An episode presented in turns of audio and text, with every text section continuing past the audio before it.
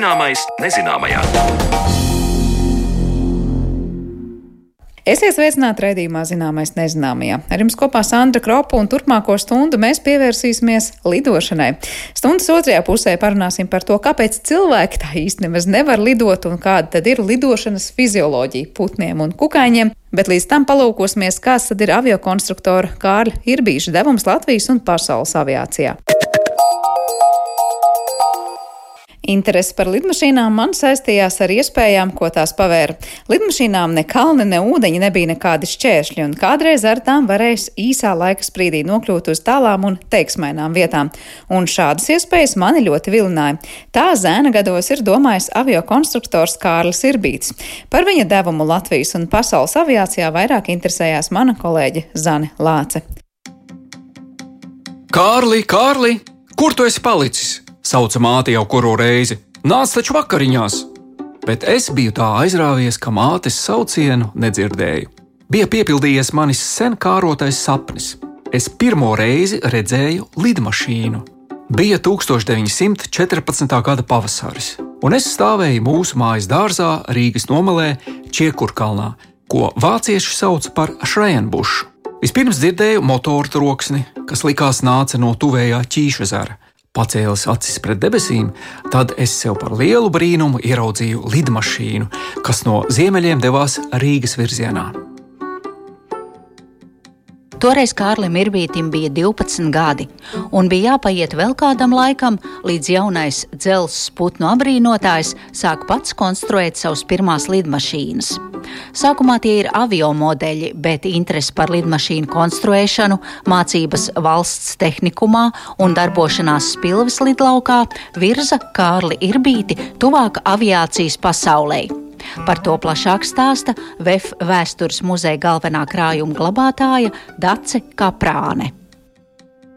Tādas nopietnākas lietas, jau tiešām reāli lidojami objekti, varētu sākt tikt datējami ar 1925. gadu, kad Kārlis Irbītis jau ir uzbūvējis vairāk kā 30 paša konstruētus avio modelīšus. Un ar šo hobiju viņš nodarbojās ļoti aktīvi daudzu gadu garumā.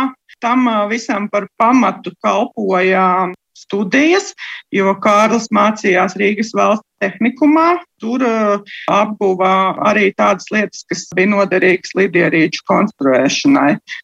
Vasaras brīvlaikā savukārt Kārlis strādāja aviācijas diviziona darbnīcās. 24. gadā Kārlis uh, iestājās Latvijas aeroklubā, kas bija nesen dibināts, un tur uh, notika liktenīgā iepazīšanās ar Nikolai Pūliņu, kas bija absolūts aviācijas entuziasts. Un uh, varētu teikt, ka Kārlis tandēmā ar Nikolaju Pūliņu radīja savu pašu pirmo īsto lidmašīnu. Pūliņa kungs jau bija konstruējis lidmašīnu sprīdītis, kurš gan uh, uz iepazīšanās laiku bija avarējis. Un Kārlis piedāvāja šo strīdīti izjaukt pa detaļām un uh, izveidot jaunu lidmašīnu, sanāk eh, diezgan varbūt komiski, ka Kārļa pirmā īstā konstruētā lidmašīna saucās Strīdītis divi. Paralēli šiem te eh, ir bijuša pūliņa projektiem, Kārlis arī aizstāvēja savu diplomu darbu tehnikumā. Bija simts zirgspēku aviācijas dzinēja projekts, un tajā pašā dienā Viņš skrēja pēc aizstāvēšanas uz lidlauku, kur gaisā pacēlās viņa un pūliņa pirmā lidmašīna. Ar trešo lidmašīnu, kurai deva Ikara vārdu, ko kopīgiem spēkiem uzbūvēja Irbīts un Pūliņš, 1928. gadā notiek lidojums no Rīgas uz Mērsragu, un tas bija pirmais Latvijas pārlidojums ar Latvijā konstruētu un izgatavotu divvietīgu vienplāksni. Un Ikars tiek reģistrēts kā pirmā Latvijas civilā lidmašīna un skatot tālāk Kārļa Irbīts karjeru avio konstrukcijā, nonākam pie pagājušajā gadsimta 30. gadiem, kad pasta un telegrāfa departamenta galvenās darbnīcas tiek reorganizētas un iegūst nosaukumu VEF. Par to atkal vārds Dacei Kaprānei. 32. gadā pasta un telegrāfa galvenās darbnīcas tiek pārdēvētas par VF valsts elektrotehnisko fabriku. Darbnīcas tātad tiek reorganizētas un uh, sākas ļoti strauja augšupeja. Līdz ar jauno VF direktoru Teodoru Vītolu VFs sāk ļoti agresīvi izplesties arī ārpus Latvijas. Ar radioražošanu izplešās gandrīz visā Eiropā. VF produkciju ir iespējams nopirkt lielākajās Eiropas pilsētās. Un Teodoram Vītolam ļoti patīk dažāda veida tādi sarežģīti projekti, kas varētu rūpnīcu papildus reklamēt. Un līdz ar to kāļa ideja par to, ka VFam pašam ir jākonstruē un jāražo lidmašīnas. Direktoram ir ļoti cēdusies galvā, un 35. gadā tiek sākti darbi pie pirmās VF lidmašīnas. Tajā laikā 1935. gadā VF radionodaļa piedzīvoja lielu uzplaukumu, un viens no maniem motivējumiem lidmašīnas būvēi bija reklāmas aspekts, ko šāda lidmašīna varētu dot VFam. Bez tam nodarot arī par ātru satiksmes līdzekli ar kaimiņu valsts galvaspilsētām, kur VFam bija pārstāvniecības. Uz galvenā inženiera Liepiņa jautājumu, kurš no konceptiem raksturo moderno aviācijas virzienu, atbildēja, ka tas ir pirmais - brīvnesošs zemplāksnis. Ar to arī lidmašīnas tips bija izšķirts. Tam bija jābūt modernam vienplāksnim ar slēgtu kabīni pilotam un pasažierim. 1935. gadā Kārlis Irbītis kļūst par VEFA aviācijas nozares galveno inženieri. Viņa vadībā līdz 1942. gadam VEF uzbūvē 33 dažādu tipu lidmašīnas. Atsevišķs stāsts ir par lidmašīnu I-12, kura plūc laurus pasaules izstādē Parīzē. Nākamā lidmašīna, kas bija I-12, tas jau bija jau mazliet nopietnāk, un šo lidmašīnu jau varēja rādīt vispasaules uh, dizaina izstādē Parīzē 37. gadā, kur uh, I-12 tika piešķirts goda diploms. Turieni uz Parīzi bija aizvests uh, modelis, mērogā viens pret pieci un skaisti izstādīts. I-12 izpelnījās lielu tādu labu novērtējumu. Un izstādes laikā norisinājās arī sacensības lidmašīnām, lidmašīnu rallijas 37. Un I-12 pilots bija VF pilots izmēģinātājs Kārlis Bandenieks. Un I-12 tālāk jau slava gāja uz priekšu, un šī lidmašīna piedalījās daudzās jau izstādēs Kopš eh, tā laika gāja šī rūpniecība uz augšu, un 38. Eh, gada rudenī kara ministrija jau nolēma, ka visas lidmašīnu konstruēšanas un izgatavošanas darbnīcas tiks koncentrētas vienā vietā, un eh, VEFs tad kļūst par vienīgo lidmašīnu ražotāju Latvijā bet, kā zināms, visus svefa plānus izjauc sākumā padomju okupācija un tad otrais pasaules karš. Un kara laikā Kārlis Irbīts kopā ar citiem kolēģiem nu darbojas Vācu uzdevumā pie iznīcinātāja lidmašīnu Messerschmitt būves. Pēc kara Kārlis Irbīts kopā ar sievu aizceļo uz Kanādu, un tur sākas jauns posms viņa dzīvē. Par to turpina Dace Kaprāne. Viņa sākums ir strādāt lauksaimniecības mašīnu firmā, kur viņš konstruē dažādas ierīces, dažādus dzinējus, tā skaitā arī bērnu rotaļlietas.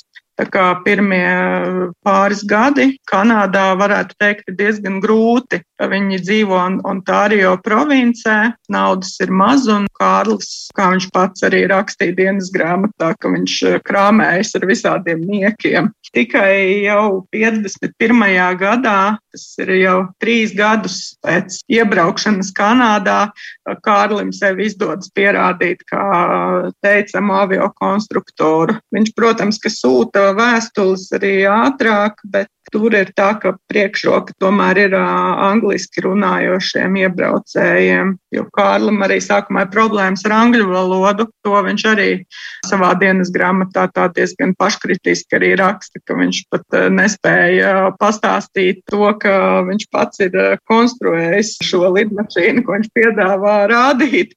Bet um, tas viss paliek pagātnē, jo Kārlis diezgan strauji atkal kāpa karjeras kāpnēm uz augšu un viņu novērtē. Un sākot no 1951. gada viņš sāk strādāt Kanadēr, kas ir lielākā Kanādas lidmašīnu fabrika uz to brīdi un vispār. Un darba laikā Kārlis piedalās divmotoru lidmašīnu CL41 un CL74 projektēšanā. Un jau projektējot šīs lidmašīnas, viņš kļūst kā rūpnīcas projektu grupas vadītājs. Viņu arī novērtē Kanadēra vadība. Kāļa vadībā tiek konstruēta vertikālās pacelšanās lidmašīna CL84, kas ir arī tāds diezgan nu, tāds ievērojams tehnoloģiskais brīnums.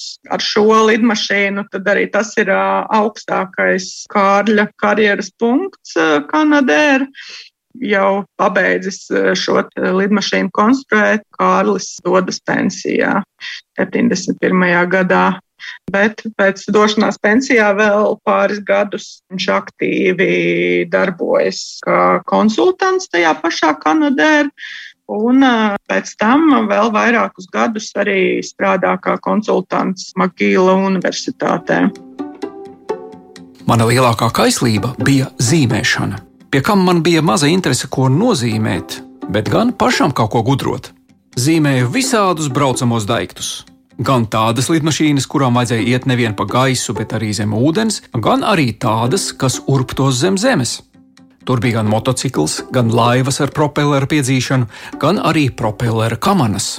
Domāju arī par tādām lidmašīnām, kurām vajadzētu pārlidot okeānu. Sižetā skanēja fragmenti no Kārļa Irbīša dienas grāmatas un teksti no VF muzeja virtuālās izstādes. Starp citu, marta otrajā pusē ikvienam interesantam būs iespēja ielūkoties VF muzeja interneta vietnē, kur tiks atklāta izstāde par brāļiem Irbīšiem - Ādolfu, dizaineru un konstruktoru, un Kārli, aviokonstruktoru.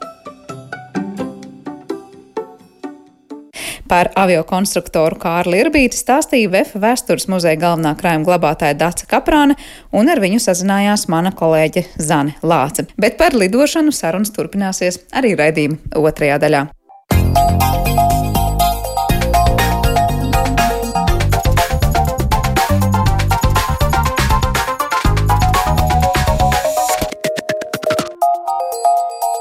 Zināmais nezināmajā.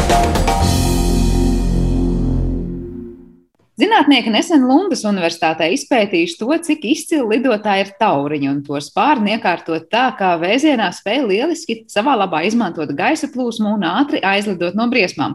Šodien mēs plašāk palūkosimies uz lidošanu un to, kāpēc daļai dzīvās dabas tas izdodas ļoti veiksmīgi un iedvesmo zinātniekus dažādiem tehnoloģiskiem atklājumiem, un vienlaikus arī palūkosimies paši uz sevi, meklējot atbildi uz mūžsano jautājumu, kāpēc cilvēks arvien nespēja lidot. Lai par to visu runāt, mēs uz sarunu mūsu attālinātajā studijā šodien esam ciemos aicinājuši Latvijas Universitātes Bioloģijas fakultātes cilvēku un dzīvnieku fizioloģijas katedras asociēto profesoru Klīgu Ozoliņu Molu, entomologu Valdemāru Spunģi, kā arī Tukuma Raņa ģimnāzijas fizikas skolotāju un arī izglītības portāla Fizmikas satura veidotāju, veidotāju Valdu Zuteru. Labdien jums visiem! Labdien! Es te iesākšu stāstu par, eh, par tauriņiem un to, cik veiksmīgi viņi spēj izmantot savus spārnus un būt tādi veiksmīgi lidotāji. Varbūt Valdemāri sākšu ar, ar jā, to, cik veiksmīgi lidotāji mums ir no apkārt putni un kukaiņi. Var teikt, kas mums ir tādi lidošanas lielākie meistari? Nu, iespējams, ka putni, jo viņiem viņi pār ļoti liels attālums. Bet uh, viņu ir maz salīdzinot ar kukaiņiem. Un kukaiņu ir miljoni, Un šie miljoni ir starp bezmazliniekiem vienīgie, kuri uh, spēj lidot. Nu, protams, citi mēģina lidot, nu, piemēram, zirnekļi, bet tur ir pavisam cits lidošanas mehānisms. Kāda? Un, Jā. un, ja mēs runājam par tauriņiem, tad uzreiz pašā sākumā pat, pateikšu, ka, ja, ja doma ir par dienas tauriņiem, tad te ir viena no sliktākajiem lidotājiem. Tad patiesībā nemaz tas, kā izskatās dienas tauriņi, cik skaisti viņi lidinās, nav nemaz tie veiksmīgākie. Nē, viņi viņi diezgan haotiski vispār lido. Viņa ātrums nav liels un pateicoties varbūt viņam tam lielajiem spārniem, viņam tas haotiskais lidojums, kas viņu paglāb no uzbrucēju, no putna piemēram. Ir daudz labāk lidotāji, kaut vai mušas dažas, ja bites, kamenes un lapsenes. Bet tas ir vairāk, lai aizlaistos projām lidotājs, vai tiešām tajā kādas trajektorijas izvēlas un kādas tehnikas lidošanas izvēlas? Nu, tehnikas faktiski tikai divas ir, bet uh, svarīgi ir kādus attālumus sugai jāpārlido. Jo, piemēram, tur medus bīte lido kaut kur 3 km pēc nektāra kamene arī apmēram, un tāpēc viņam vajadzīgs tas ātrums ir. No kā ir atkarīgs, eh, kurš to ātrumu labu attīsta? Vai tie būs spārni, vai tā būs vispār tā ķermeņa konstrukcija? Pirms mēs varbūt pie fizikas ķeramies klāt un fizioloģijas, varbūt Valdemār tavs redzējums. Jā, ļoti svarīgi ir uh, krūšu izmērs, jo krūš, krūtīs ir tie muskuļi, kas tos spārnus kustina. Un kustina arī krūtis, un tāpēc eh, labiem lidotājiem vienmēr tā krūšu daļa ir labi attīstīta. Un vēl, ot, vēl otra lieta ir, ka labiem lidotājiem jābūt ir mazam svaram, ir, pēc iespējas mazākam svaram, ir, lai būtu tāda, tāds balans starp svaru krūšu, muskultūru un spārnu izmēru. Un uh, to atsevišķi var sasniegt. Un, piemēram, ja mēs paskatāmies tādu labu lidotāju kā mušu, kā mušas, jā, tad viņas vēders piepildīts ir ar tādiem kā gaisa maisiem, kas viņu padara ļoti, ļoti vieglu. Jā, putnu gadījumā mēs bieži esam arī atceramies skolā mācījušies par īpašu putniem, tad kauliem, kas arī ir tādi vieglāki, var teikt, ar gaisu nu, jā. vairāk pildītāki, ja, un tāpēc arī viņi ir tādi labi lidotāji. Līga varbūt ir no fizioloģijas puses noteikti, ko, ko piebilst. Kas tad ir tās nu, lietas vai rakstura lieluma, kam jābūt, lai, lai tas organisms varētu labi lidot? Jā, principā jau Valdemārs eh, pateica tās būtiskākās lietas. Tas ir tas ķermeņa smagums attiecībā pret eh, ķermeņa svars, masai, attiecībā pret uh, tilpumu. Un putniem jā, ir šie dobie kauli. Cilvēkam tādu nav. Pie tam nelidojošiem putniem, kā pingvīniem, tie kauli ir pēc savas, uh, nu, pēc savas uh, būtības pēc savas konstrukcijas, līdzīgi kā zīdītāja dzīvnieku kauli, ja, arī kuri nav tie dobie kauli. Uh, labi, ja būtu attīstītie muskuļiem, lidošanas muskuļiem.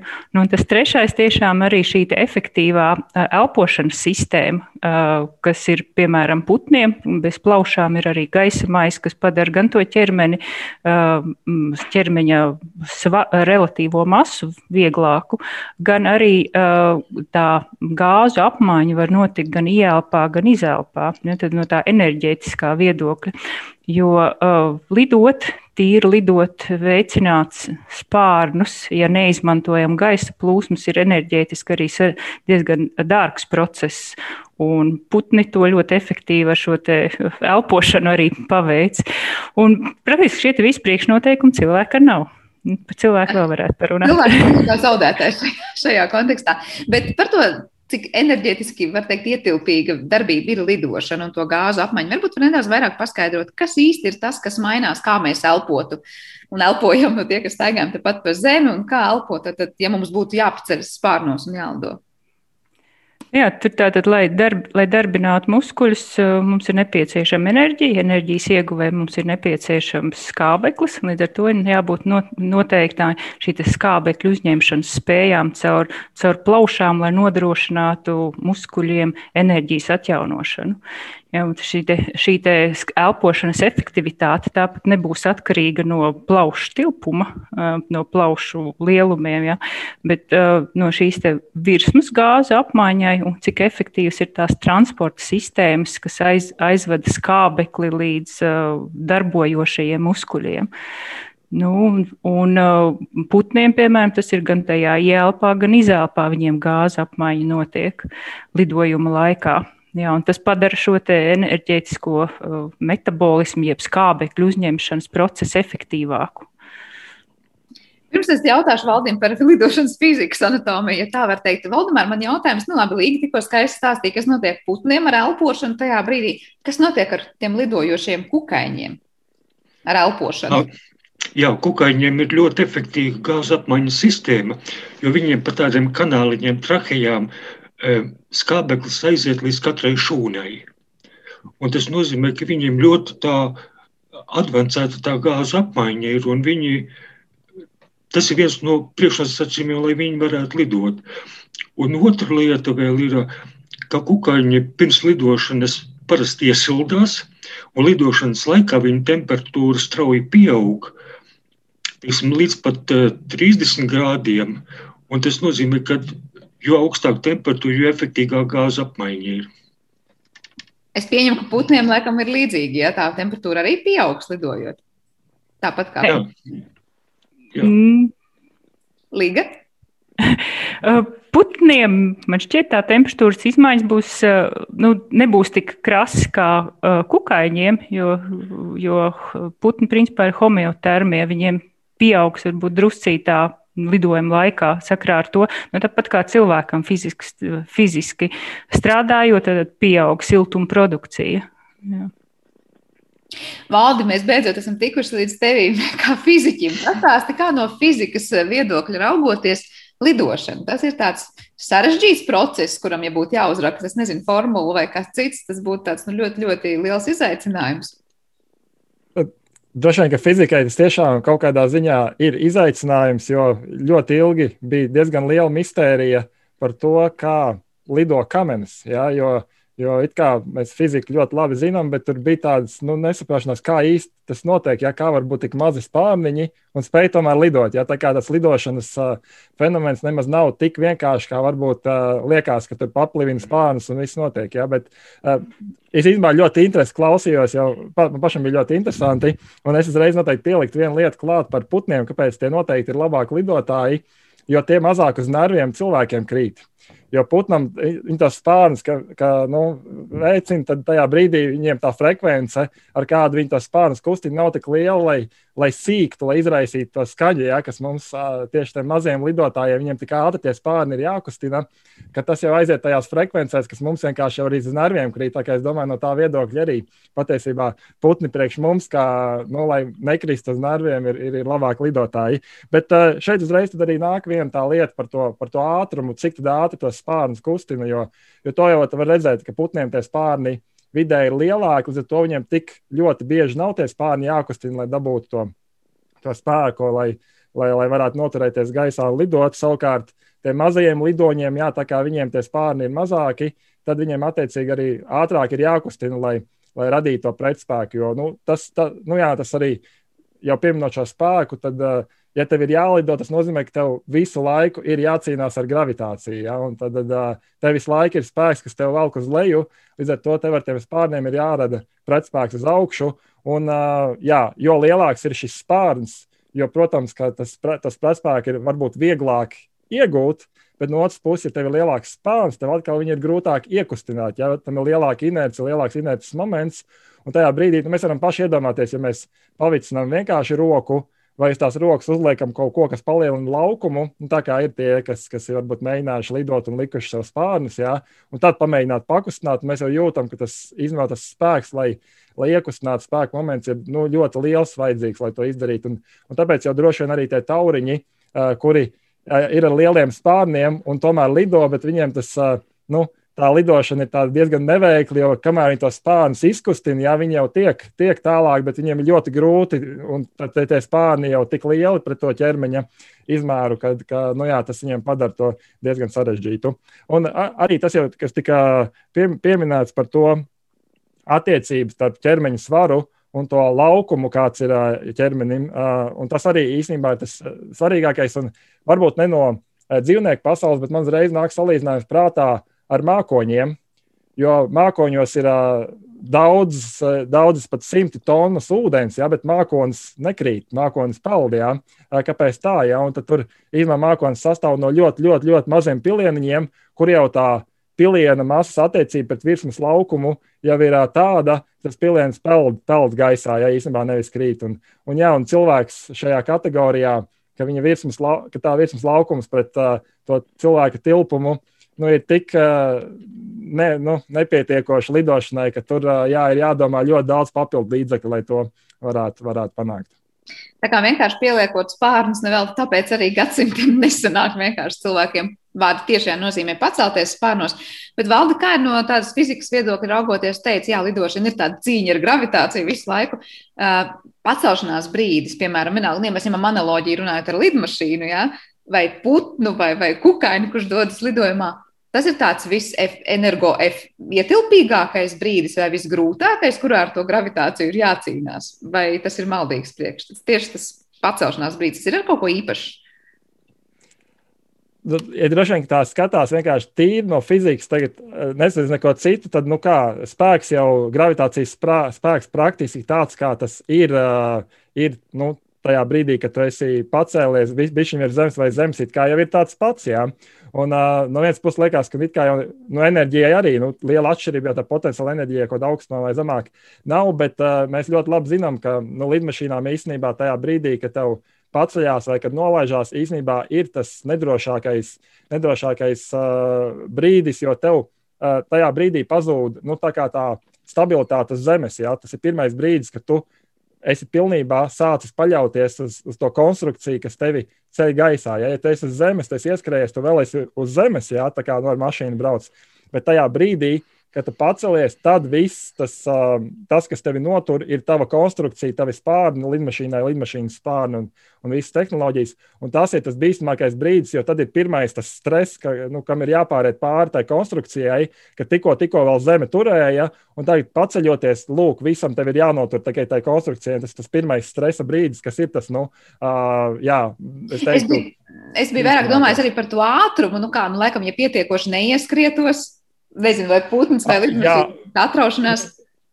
Droši vien, ja skatās uz lidmašīnu un putnu, tur ir uh, nu, tāda lielākā būtiskā atšķirība, ka putns jau ar tiem spārniem kustina spārnus, un ar tiem pašiem spārniem arī no to spārnu kustību dabū visu. Bet lidmašīnai ir spārni, kas nekustās, un ir dzinēji, kas iedod to ātrumu. Ja, tā ir tā, tā nu, uh, liela atšķirība. Ir, bet, uh, tāpēc jau lidmašīnām paceļoties ir ļoti svarīgi. Tas viens nu, no pilotiem sarunājoties, tas, ko, par ko viņi pirms pacelšanās ir uh, nu, nevienojušies, bet kas viņiem ir uh, uzrakstīts, ir tas ātrums, kas obligāti ir jāsasniedz uh, līdz noteiktam nu, skrejceļa uh, posmam, lai vispār varētu pacelties. Un, ja kaut kāda tehniska iemesla dēļ viņi saprot, ka tas ātrums nav sasniegts noteiktajā laikā, tad, tad attiecīgi viņam ir jāpārtrauc pacelšanās. Jā, tas jau vien liecina, ka tas tur ir īstenībā.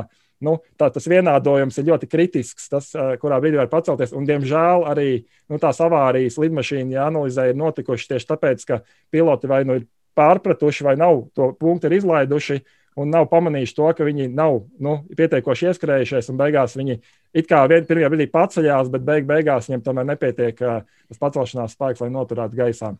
Valdis tikko jau pieminēja par to atšķirību starp kustīgajiem putnu spārniem un nekustīgajiem, nostīt nekustīgajiem lidmašīnas spārniem.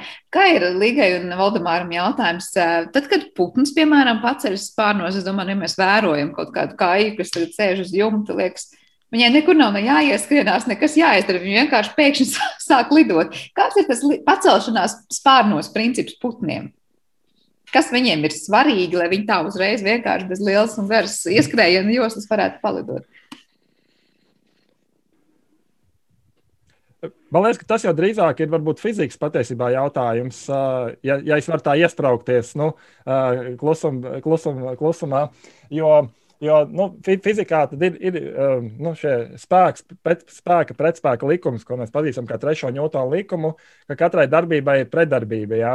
Vai nu, tādā nedaudz uh, humora stilā, kad katrs labais darbs uh, nepaliek nesodīts. Jā, ka, un, uh, līdz ar to tajā brīdī, kad uh, tajā momentā, kad putns pakustina spārnus uz leju, tad, tad uh, ar tiem spārniem tas putns iedarbojas to gaisu, kas ir apkārt. Ja? Tad šis darbības pretdarbības likums uh, nosaka to, ka uh, gaisa iedarbojas pretī, jā, ar pretspēku uz augšu, Un viss notiek uzreiz, ir spēks uz augšu, kas var uh, tajā brīdī arī, arī putnu pacelt un ļoti ātrāk spēj to kustināšanas darbību paveikt, uh, jo tā tad uh, nu, tā ātrāk var pacelties. Nu, kāpēc tas lidmašīnām nav tik vienkārši? Jo, jo pacelt tik lielu objektu un uztaisīt konstrukciju, kas spēj nodrošināt droši, ka tu tos spārnus varēs ilgi kustināt, nevis vienu reizi. Ja?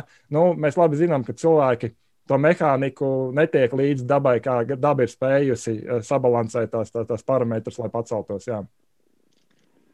Jā, paldies, Valdi, par šo skaidrojumu. Tālāk es gribēju uzzināt par to, nu, kā putni, arī kukaiņi vienalga, nu, navigē sevi tajās debesīs, tajā brīdī, kad ir jāpagriež tur tajā lidojumā pa labi vai pa kreisi. Kāda ir tā schēma, kas notiek? To dara putni ar, ar spārniem vai ar asti, vai ar ko tas notiek?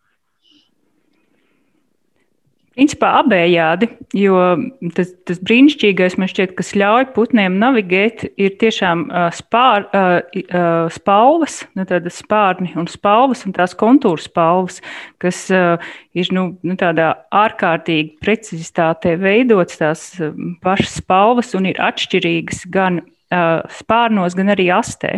Līdz ar to spārnu spalvas un principā astes spalvas ir tās, kas ļauj šo navigāciju manevrēšanu pieļaut. Mm. Valdemār, būs tas piebilstams? Uh, Kukaiņiem pavisam savādāk, jo viņiem nav, teiksim, stūras iekārtas, un navigācija viņiem notiek uh, pamainot vienu vai otru spārnu frekvenci. Ja? Un vēl viena tāda lieta, ir, kas ir ļoti raksturīga mušām, ir, mušām ir divi spārni, ja? un pakaļspārni viņiem ir tāda reducēta, tā kā, tā kā tāds vālītis ir un pakaļspārni vienalga funkcionē, bet viņi darbojas kā žiroskops. Respektīvi, viņš eh, pakaļspārns, eh, saucamais dūceklis, ja, viņš eh, palīdz mušām orientēties telpā un, un saglabāt mušas lidojuma trajektoriju un varbūt arī, ja jāpamaina kaut kas trajektorija. Bet kā viņi maina šīs frekvences? Tas ir tā kā nu, iedomāties, ka viņi vienkārši paši sāk mazāk kustināt to spārnu, vai kā tas notiek? Nu, jā, viņi, viņi, viņi iespēju robežās spēja frekvenci pa, nu, pamainīt. Un e, kukaņiem jau lidošanas mehānisms pavisam savādāks ir, jo viņi ar spārniem rada tādus virpuļus, un it kā no tiem virpuļiem atgrūžās. Un tāpēc, atšķirībā piemēram, no putniem, spārn, e, kukaiņu spārnam e, lidojot ir ļoti sarežģīta trajektorija, jo viņš viņu slīpi ceļ uz augšu, pēc tam slīpi laiž uz leju. Un vislabākajiem lidot, lidotājiem, kas spēj uz vietas e, gaisā noturēties, nu, piemēram, atsevišķām mušām, ja, tad viņam tas spārnu trajektorija ir kā tas astoņ, astoņveidīga ir tā katra spārnu trajektorija. Un katrā no tiem trajektorijas posmiem rada noteiktu gaisa virpuli. Gaisa virpulī tas ir bijis tas blīvāks gaiss, ir, varbūt valdis iebildīs.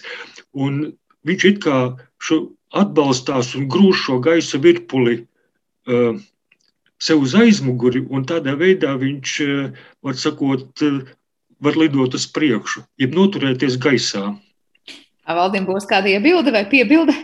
Nē, nē, tikai kāda iebilde, pie, piebilde. Nē, tas ļoti labi jā, par tiem virpuļiem. Tas bija tas, ko es tieši arī nepieminēju, ka, ka kukaiņiem ir tas, ka eh, es minēju, ka tu vari nu, atspērties pret gaisa, atdot, nu, pavicināt spārnu, uh, bet tas nav tik efektīvi. Tad, ja tev jau ir šis virpulis, nu, tā vienkārši sakot, pret kuru tu vari jau atspērties, ja tas tomēr arī ir virpulis. Pirmkārt, tas ir, nu, ir blīvāks gaisma, tā ir kustība, pret kuru jau tu arī jau tā kā nu, atspēries, un tas ir krietni efektīvāk. Un, un tas, ir, jā, tas ir tas, ko, kā kukaiņi dabū to savu lidošanas efektivitāti. Bet tas, to, ko es noteikti vēl gribēju piebilst, ir tas, ka mēs ļoti labi redzam, kā cilvēki ar tehnoloģijām špiko no dabas. Jā, jo tas, ka aizmugurē ir kaut kas, ar kuru tu vari vadīt to lidojumu, jā, lidmašīnām jau ir tieši tas pats. Jā, lidmašīnām aizmugurē ir, ir spārniņš, kas rad, radars, kas, kas grozās, ja, un, un arī to lidošanu nodrošina.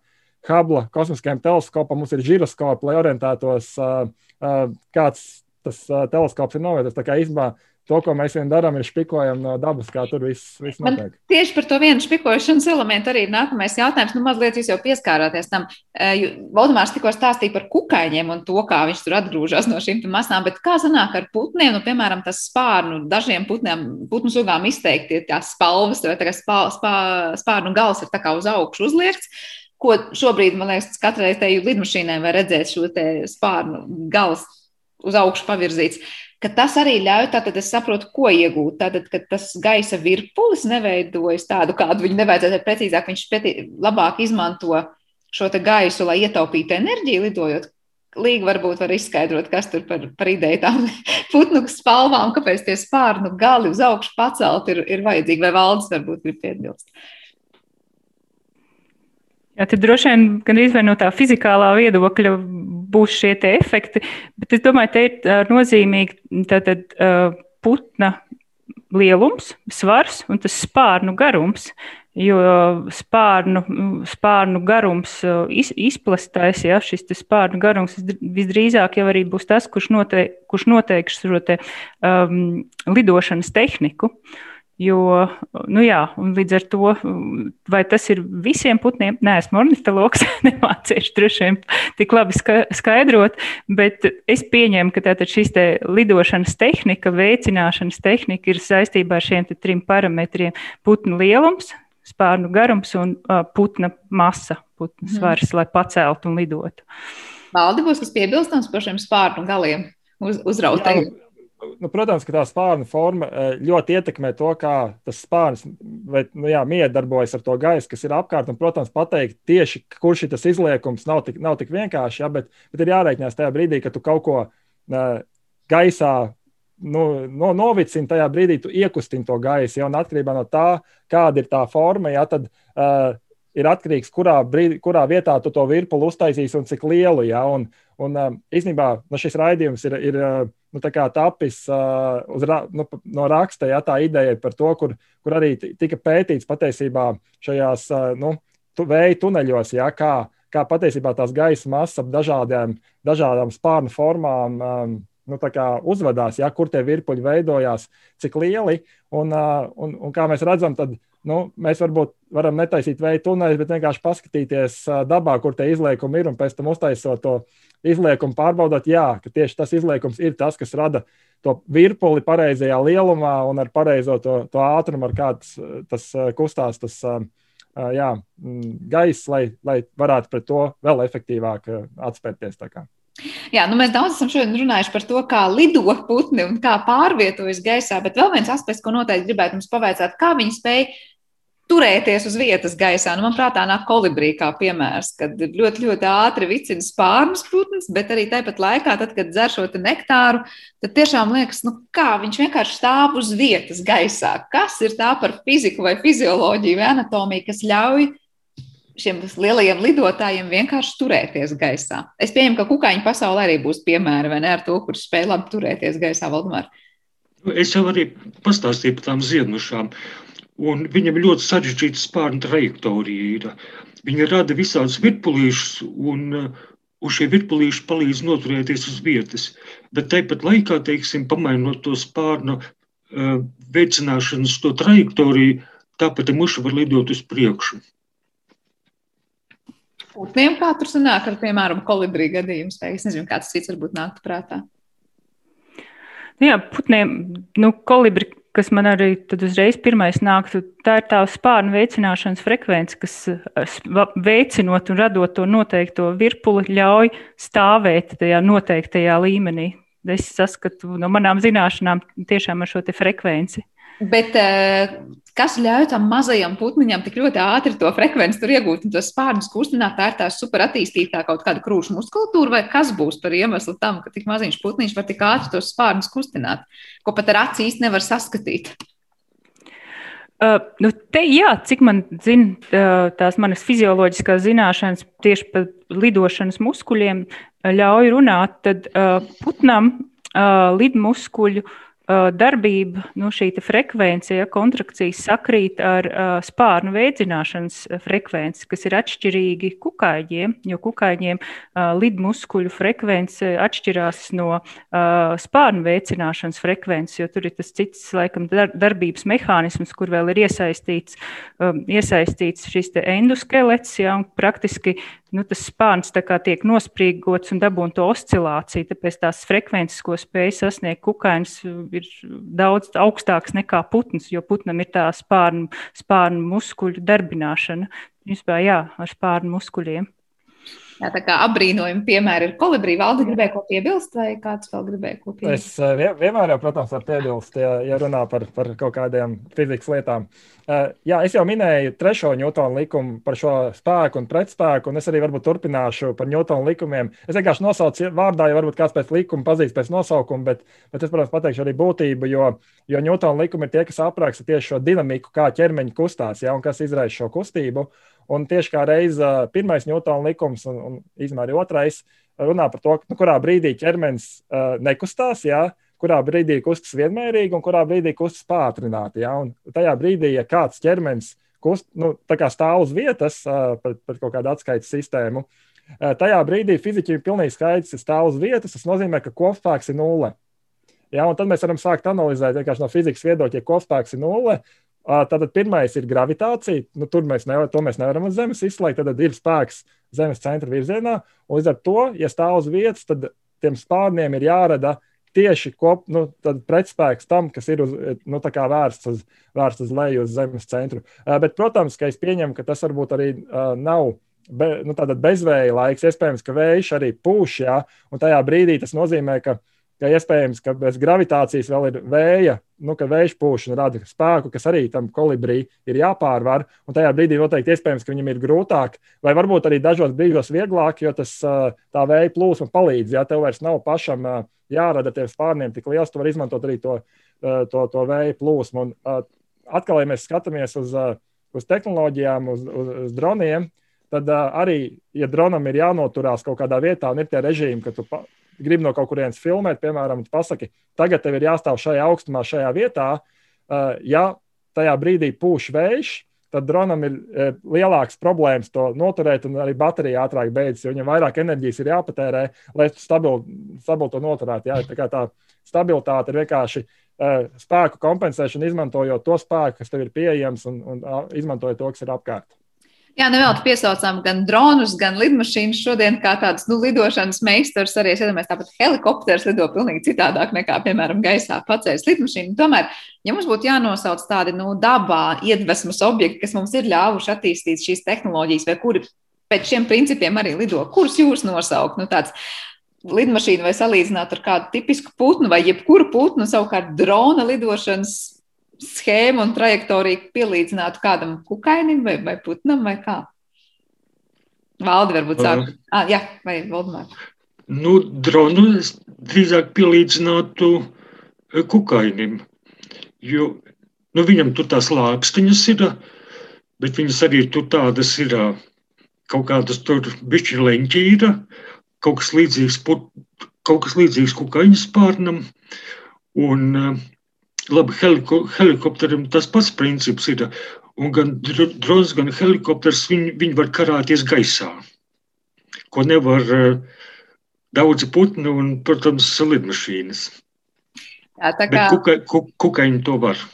Jā, Līgai būs kaut kas ar valdu vēl piebilstams, vai Valdemārs mums ir devis ļoti skaistu skaidrojumu tam, kas vizuāli mums ir līdzīgāks kuram lidotājiem, bet nu skaidrs ir viens, ka Uh, nepietiek tikai ar sapni par lidošanu cilvēkam vai spārnu sev pielikšanu. Tad, tā kā līga sākumā teica, mums laikam nav neviens no tiem vajadzīgajiem fizioloģiski uh, aspektiem, prasībām, kas būtu vajadzīgs, lai mēs varētu tiešām kādu dienu celties spārnos.